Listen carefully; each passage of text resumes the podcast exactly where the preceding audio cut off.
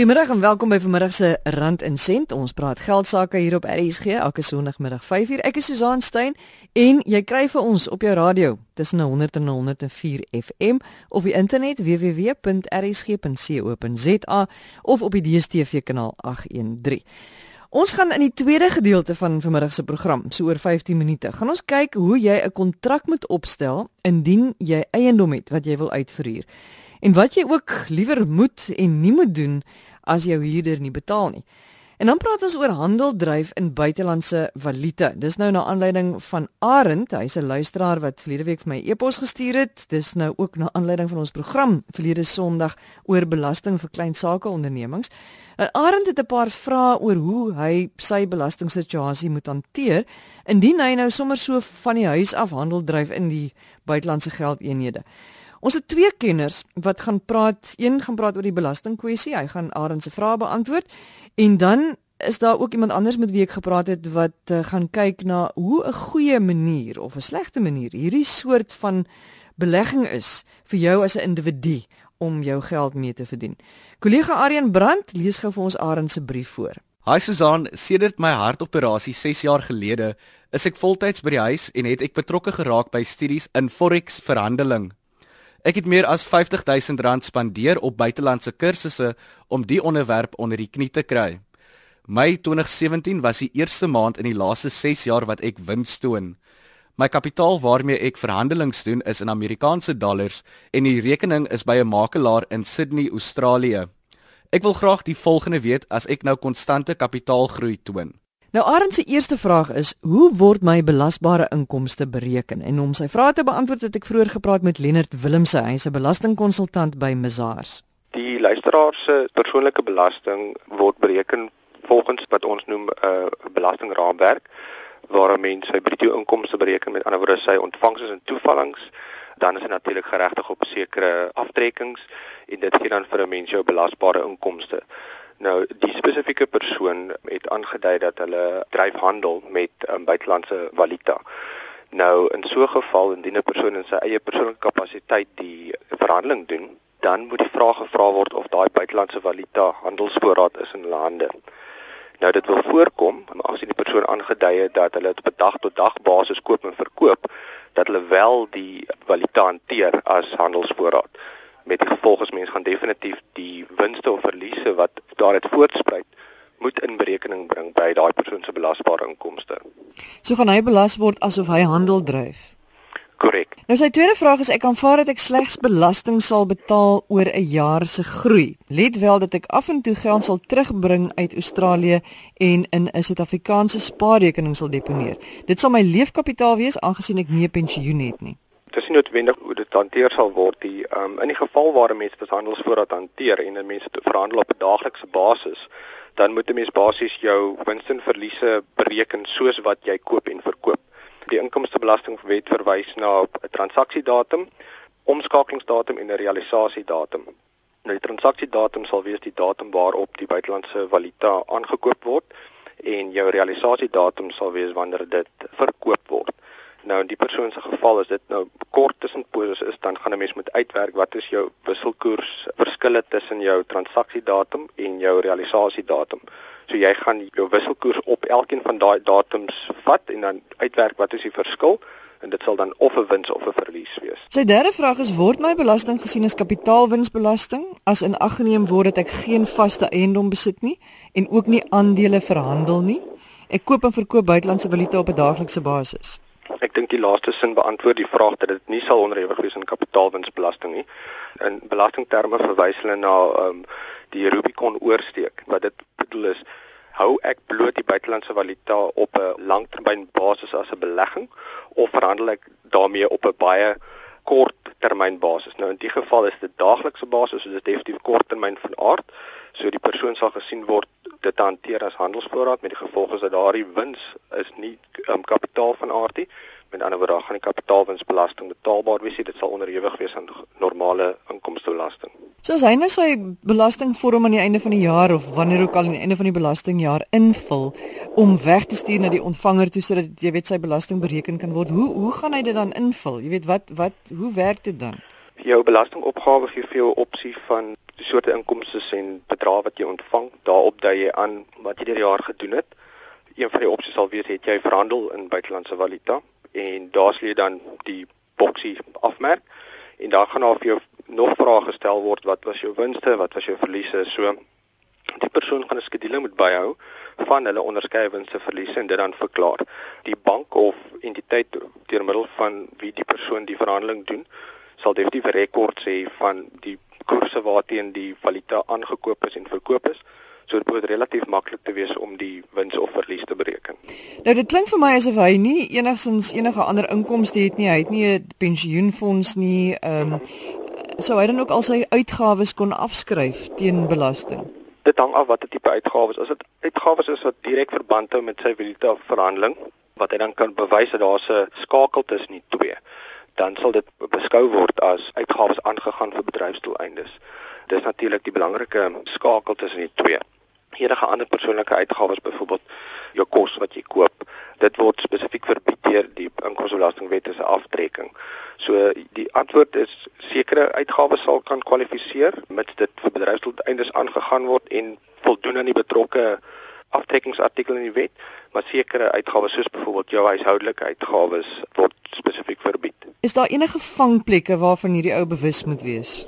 Ek dink die groot vangplek hier is dat die winste en verliese nie moet beskou word as kapitaal van aard en dit as sulks verklaar nie, maar dat die oomblik wanneer jy met buitelandse valuta handel in jou persoonlike kapasiteit en of soos die persoon op 'n daaglikse basis dat jy moet besef dit is wel inkomste van aard met ander woorde jy moet dit as sulks verklaar.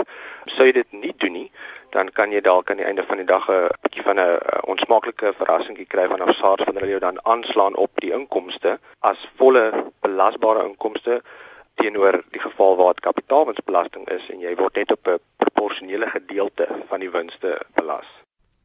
Baie dankie Lennard, dis Lennard Willemse, hy is die of 'n belastingkonsultant by Mazars.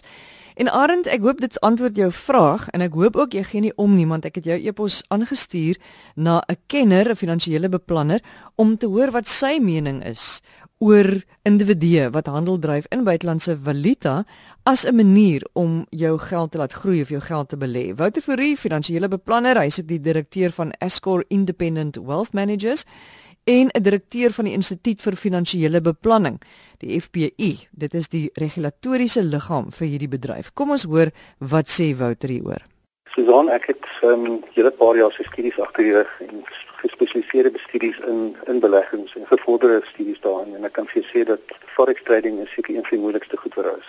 Ek self het al my vingers lelik gebrand daarmee. En 'n mens moet die konsep verstaan wat dit behels. Dit beteken dat jy koop en verkoop in geld eenhede. Met ander woorde, jy koop dollars, jy verkoop dit, jy koop rande, jy verkoop dit. En dit is 'n baie groot mark, word wêreldwyd gebruik deur mense en jy moet regtig kundig wees en voltyds kan jy spandeer om geld te maak hiermee. Ons kan ook sien as uit die rand doppe in Suid-Afrika en jy sien hoe volatiel die rand is. Dit is amper onmoontlik vir ekonome om te voorspel waar die rand môre gaan wees. En dit is wat 'n mens probeer doen as jy forex trading doen. Maar daar is sagte ware en daar stelsels en ons metodieke wat die ouens gebruik, maar ek moet mense waarsku dat as jy nie kundig is nie en jy het nie genoeg tyd om aandag te gee aan nie en jy het nie jy het nie genoeg opleiding nie, kan dit jou baie geld kos. En soos hierdie um, luisteraar gesê dat hy vir eerste keer in 6 jaar wins wys. Dit maak my nie baie opgewonde nie. Ek wil nie 6 jaar wag voordat ek wins maak op 'n belegging nie. So ek dink daar's makliker maniere om geld te maak. Daar's veiliger maniere om dit te maak. En as jy 'n forex trader is, dan moet jy regtig baie kundig wees om geld te kan maak dan. Maar sê nou maar jy dit jy stel belang daarin en jy het nou wel miskien geld om om te gebruik. Presies, hoe doen jy dit? Wat behels dit en hoe doen jy dit? Dit is belangrik dat mense behoorlike opleiding en en riglyne kry en, en en soms dit kan ook 'n bietjie waarskuwing. Mense moet onthou dat baie van hierdie maatskappye wat die sagte ware verkoop ensovoorts maak hulle geld uit die verkoop van die sagte ware. So hulle wys vir al die goeie nuus en nie noodwendig al die gevare en slegte nuus wat daarmee saamgaan nie. So as jy belangstel om dit te doen, gaan lees en gaan kyk na al die suksesse, maar gaan kyk ook na al die mislukkings wat plaasgevind het. Nou, ek weet in Suid-Afrika was daar al 'n hele paar forex maatskappye wat oopgemaak het wat mense opgelei het om dit kan doen wat op die ou ene weer toegemaak het. So die suksesverhaal daar agter is nie so fantasties nie. En selfs as ons kyk na groot banke wat met kundige sit wat forex trading doen, maak hulle ook nie altyd geld nie en lei hulle vir langtermynse verliese. As jy dan belangstel om 'n bietjie ervaring aan te kry, sê ek gebruik 'n baie klein gedeeltjie van jou inkomste en moenie nie al jou geld in pensioengeld gaan insit nie want dit kan amper waarborg jy gaan nie die sukses behaal wat jy vir jou beloof nie. Maar hoe doen 'n mens dit? Gewoonlik is daar 'n maatskappy waardeur jy opleiding kry, so hulle gee vir jou sagteware ensovoorts of jy kan na 'n makelaar toe gaan wat spesifiek hiermee te doen het. So jy maak 'n lisensie by hulle oop en dan gee jy vir hulle fondse wat jy vir belê. Soos wat jy gewoonlik na 'n PSG toe gaan, jy gaan doen 'n aandele portefeulje presies dieselfde wat jy met forex dan kan doen. As jy wat maatskappye wat aanlyn ook adverteer wat jy kan kursusse by hulle gaan doen en dan kan jy deur hulle kan jy dan 'n rekening oopmaak om te begin verhandel. En as jy nou so 'n rekening oopgemaak het, wat wat gebeur? Wat sien jy? Hoe werk dit? Daar's 'n legio verskeidenheid opsies wat beskikbaar is. Wat gewoonlik gebeur is dis presies soos 'n aandeel. Jy gaan uh, maak 'n rekening oop, jy plaas jy die geldjies in die rekening en dan neem jy 'n spesifieke posisie van uh, 'n uh, geldeenheid. Met ander woorde, jy sê jy koop die dollars nou want jy verwag dat die die waarde van die dollar gaan toeneem oor die volgende jaar en dan verkoop jy hom weer wanneer hy op 'n hoogtepunt is en dis hoe jy jou wins te maak. Ongelukkig gebeur die wisselkoerse nie in reguit lyn en die wisselvalligheid daarvan maak dit baie moeilik. So baie keer neem ons posisies wat hulle kort termyn in dollars belê, langtermyn in rand en elkeen van daai spesifieke strategieë wat jy dan saam met jou um, makelaar bespreek om jou mee by te staan. So jy kan dollars koop, jy kan ponde koop, jy kan euros koop, jy kan yen koop, jy kan Amerikaanse dollars koop, uh, Australiese dollars, jy kan enige geld eenheid koop. Dit is van die grootste verhandelingsplatforms in die wêreld. Hoe gewild is dit? Ek sien dit baie by kliënte nie. Ek dink mense wat genoeg tyd het wat 'n bietjie navorsing doen daaroor word gewoonlik gevang deur die beloftes van hoë opbrengste. So ek dink dit is so so uh, gewild nie omdat dit baie kompleks is en ook omdat dit baie duur is om die sagteware ensovoorts te koop om dit te kan doen. Ek persoonlik sal nie my geld in forex trading sit nie omdat dit te onvoorspelbaar is. So jou forex trading vind meestal bank tussen die groot bankinstellings plaas en dan ook tussen die regeringseenhede wat dan seker hoeveel dollars koop en ponde ensovoorts om skuld te kan betaal. Jy klink glad nie positief hieroor vir die individu nie. Ek moet sê dis 'n baie baie gevaarlike area. Ehm um, dis baie volatiel, is baie onvoorspelbaar. Jy moet baie kundig wees as jy in hierdie in die gebied ingaan. En meeste mense het nie die tyd om die daaglikse bewegings op hierdie platforms te hou nie. As jy 'n pensionaris is en jy kan heeldag agter die skerm sit en jy tyd om dit te doen, is dit 'n baie goeie stokperdjie om by betrokke te raak om jouself kundig te maak. Maar weer eens sal ek baie beperk hoeveel geld in hierdie in hierdie beleggings insit. Dit is baie riskant en dit kom met 'n baie groot waarskuwing dat jy jou kapitaal kan verloor. 'n Goeie voorbeeld is niemand van ons het in Desember verwag dat Nene afgedank gaan word as minister van finansies nie. En dit is spesifiek wat gebeur met valuta transaksies dat die rand skielik hardloop teen alle verwagtinge hardloop by in die rooi in en jy het verwag dat hy gaan positief draai. En politieke besluite en marksentiment kan heeltemal teen speel in hierdie hierdie spesifieke beleggingsomgewing.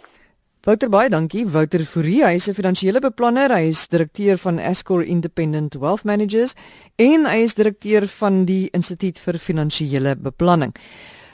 Arend, ek hoop nou nie jy is ontmoedig hierdeur nie. Alle ander luisteraars wat miskien ervaring hiervan het, deel dit asseblief met ons. E-posadres susaan@rsg.co.za. Dis Susaan S U Z A A N by rsg.co.za. Ons gaan nou gesels oor eiendomme, mense wat eiendomme wil uitverhuur. Nicoline Skumanlou van Skumanlaw ingelyf is weer by my in die ateljee. Nicoline, baie dankie dat ons eh, jou so baie kan gebruik al jou regskennis. Maar Nicoline, jy het 'n eiendom wat jy wil uitverhuur. Baie belangrik. Eerstens moet jy 'n kontrak hê. Ek wil amper sê al hier jy ook al aan familie uit. Miskien vir alles jy aan familie uitverhuur. Maar goed, jy moet 'n kontrak hê wat waterdig is om jou en ook om jou huurder te beskerm. Wat moet alles in daai kontrak staan? Eerstens is ek wel bewus daarvan dat vele huurders en verhuurders ook van konsepkontrakte gebruik maak. En as prokureur wil ek dit duidelik maak, 'n konsepkontrak is nie 'n skoen wat vir almal sal pas nie. 'n Konsepkontrak is dalk 'n goeie beginpunt vir 'n onderhandeling, maar geensins die beste oplossing in elke omstandigheid. Vele winkels verkoop konsepkontrakte, maar daar is konsepkontrakte wat mens op die internet kan bekom. Sommige van hulle is gratis. Vir ander um, betaal mense 'n baie klein bedrag. En ek sou sê dis 'n goeie beginpunt net om vir beide die huurder sowel as die verhuurder om 'n idee te kry waarom trend om te onderhandel en slegs in daardie omstandigheid. Van daardie af is dit 'n goeie idee om 'n professionele opgestelde kontrak te bekom wat pas by die omstandighede waarin hierdie huurkontrak gesluit word. Met ander woorde, daar is regulasies wat bepaal 'n verhuurder moet sekere aspekte in 'n ooreenkoms inwerk as die verhuurder dit hulle besigheid maak om uit te verhuur. Met ander woorde, die wet gebruik dit in Engels in your normal course of business. So as dit die geval is, dan moet jy kyk na die verbruikerswet en dan moet sekere klousules in die kontrak dan ingewerk word wat baie baie belangrik is. As ons nou net gou na 'n paar punte wat jy nou van seker maak, ek die naam moet daar wees, die mm. identiteitsnommer moet daar wees, dan moet 'n adres wees. Net gou 'n paar punte van wat 'n mens moet onthou. Jy hoef nie alles te verduidelik nie, mm. maar net dit moet daarin wees, dit moet daarin wees en dit moet daarin wees. Enige kontrak, huurkontrak of al dan nie die name van die partye, die uh identiteitsnommers of die registrasienommer as een van die partye 'n uh, besigheidsentiteit is, natuurlik 'n volledige beskrywing van die eiendom wat uitverhuur sal word, erfnommer en fisiese adres is is altyd baie goed om in te werk. En dan natuurlik 'n rowwe prentjie van wat is watter party se verantwoordelikhede. Met ander woorde, ek as die verhuurder gaan vir jou die eiendom daar stel om te gebruik vir X doel. En dit beteken jy mag dit en dit en dit doen met die eiendom en dit en dit en dit nie doen met die eiendom nie. So mens moet 'n bietjie van 'n raamwerk hê in terme van die huurder. Wat is my regte? Ek het 'n reg om die eiendom te gebruik miskien as 'n woning om seker te maak dat dit ten minste 'n veilige kondisie is in 'n algemene aanvaarde standaard wat die riglyn volg van van die wet. So 'n basiese raamwerk van wie doen wat en wat mag nie. In terme van om seker te maak jy besef wat jy dan nou kry vir jou geld, is dit belangrik om 'n inkomende inspeksie te doen. Met ander woorde, kom ons kom ooreen wat is die standaard of wat is die stand van sake met betrekking tot die eiendom? Ehm um, wat is gebreek dalk? Wat het aandag nodig? Wat is my verantwoordelikheid as huurder en wat is jou verantwoordelikheid as verhuurder? En dit is 'n baie baie belangrike stap om te neem as mens hier. Moenie vergeet om bo en behalwe dit ook fotos te neem as wel beide partye om seker te maak dat ons presies ooreenstem in watter kondisie die eiendom oorhandig is nie en watse probleme was daar dalk struktureel of ehm um, um, met betrekking tot ehm um, minder strukturele meer kosmetiese aspekte. So mens moet mens moet presies weet waar staan ons nou en weer eens wanneer dit dan tot 'n einde kom, kyk mens weer terug, mens reflekteer weer terug en sê okay, wat is die stand van sake nou? Wat is die uitgaande stand van sake? Sodat mens presies kan bepaal wat is wie se verantwoordelikheid en wat is dan nou die verantwoordelikheid van die volgende persoon. So dit gaan alles oor risiko en verantwoordelikheid. So baie gevalle, so baie klagtes van mense wat 'n huurder het, hulle het die kontrak pragtig opgestel, al die feite is mooi gestipuleer. Die huurder betaal nie. Maand 1 gaan verby, maand 2 gaan verby en jy besef later maar hier is nou 'n probleem. My huurder betaal nie wat doen ek nou? Ek wil van hierdie persoon ontslaa raak. Wat doen ek nou? Wel, ek dink die die vraag het twee antwoorde. Die eerste een is natuurlik, wat doen mens omtrent die onmiddellike probleem? Die onmiddellike probleem is dan nou is 'n hofaansoek wat gebring moet word vir uitsetting. So mens kan nie ongelukkig net ingaan en die huurder se bates en se se goedere wat binne in die woning is net op die gras uitgooi nie en die slotte verander nie. Ongelukkig kan mens nie net so te werk gaan nie. Dit moet deur 'n formele hofproses gaan. Dit vat ongelukkig tyd en dit kos gewoonlik nogals baie geld om eerlik te wees.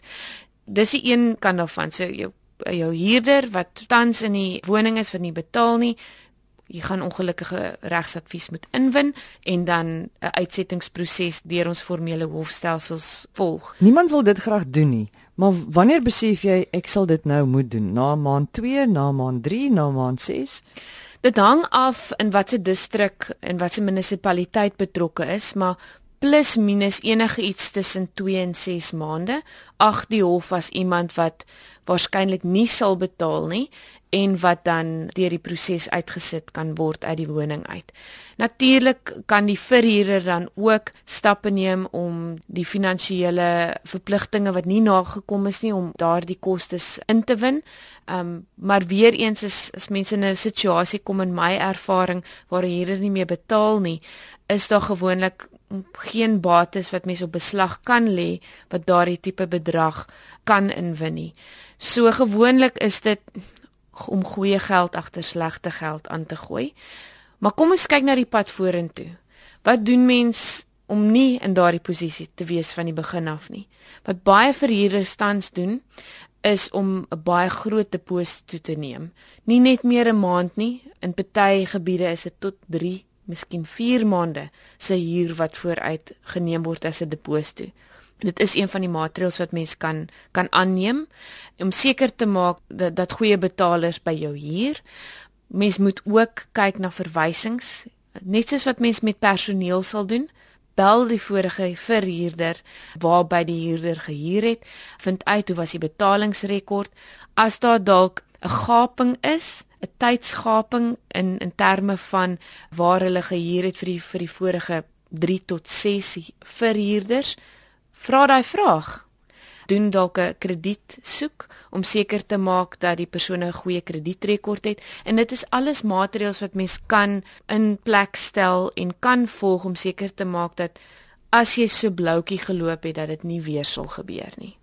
Mag 'n mens byvoorbeeld die elektrisiteit laat afsny in die water as jou huurder nie betaal nie? Ek sal dit nie voorstel nie. Mens moet ongelukkig maar die proses volg en ek weet veral vir 'n verhuurder wat 'n verband het op die eiendom wat moet betaal word, sowel as natuurlik die addisionele kostes. Ehm um, dis nie iets wat ons voorstel nie.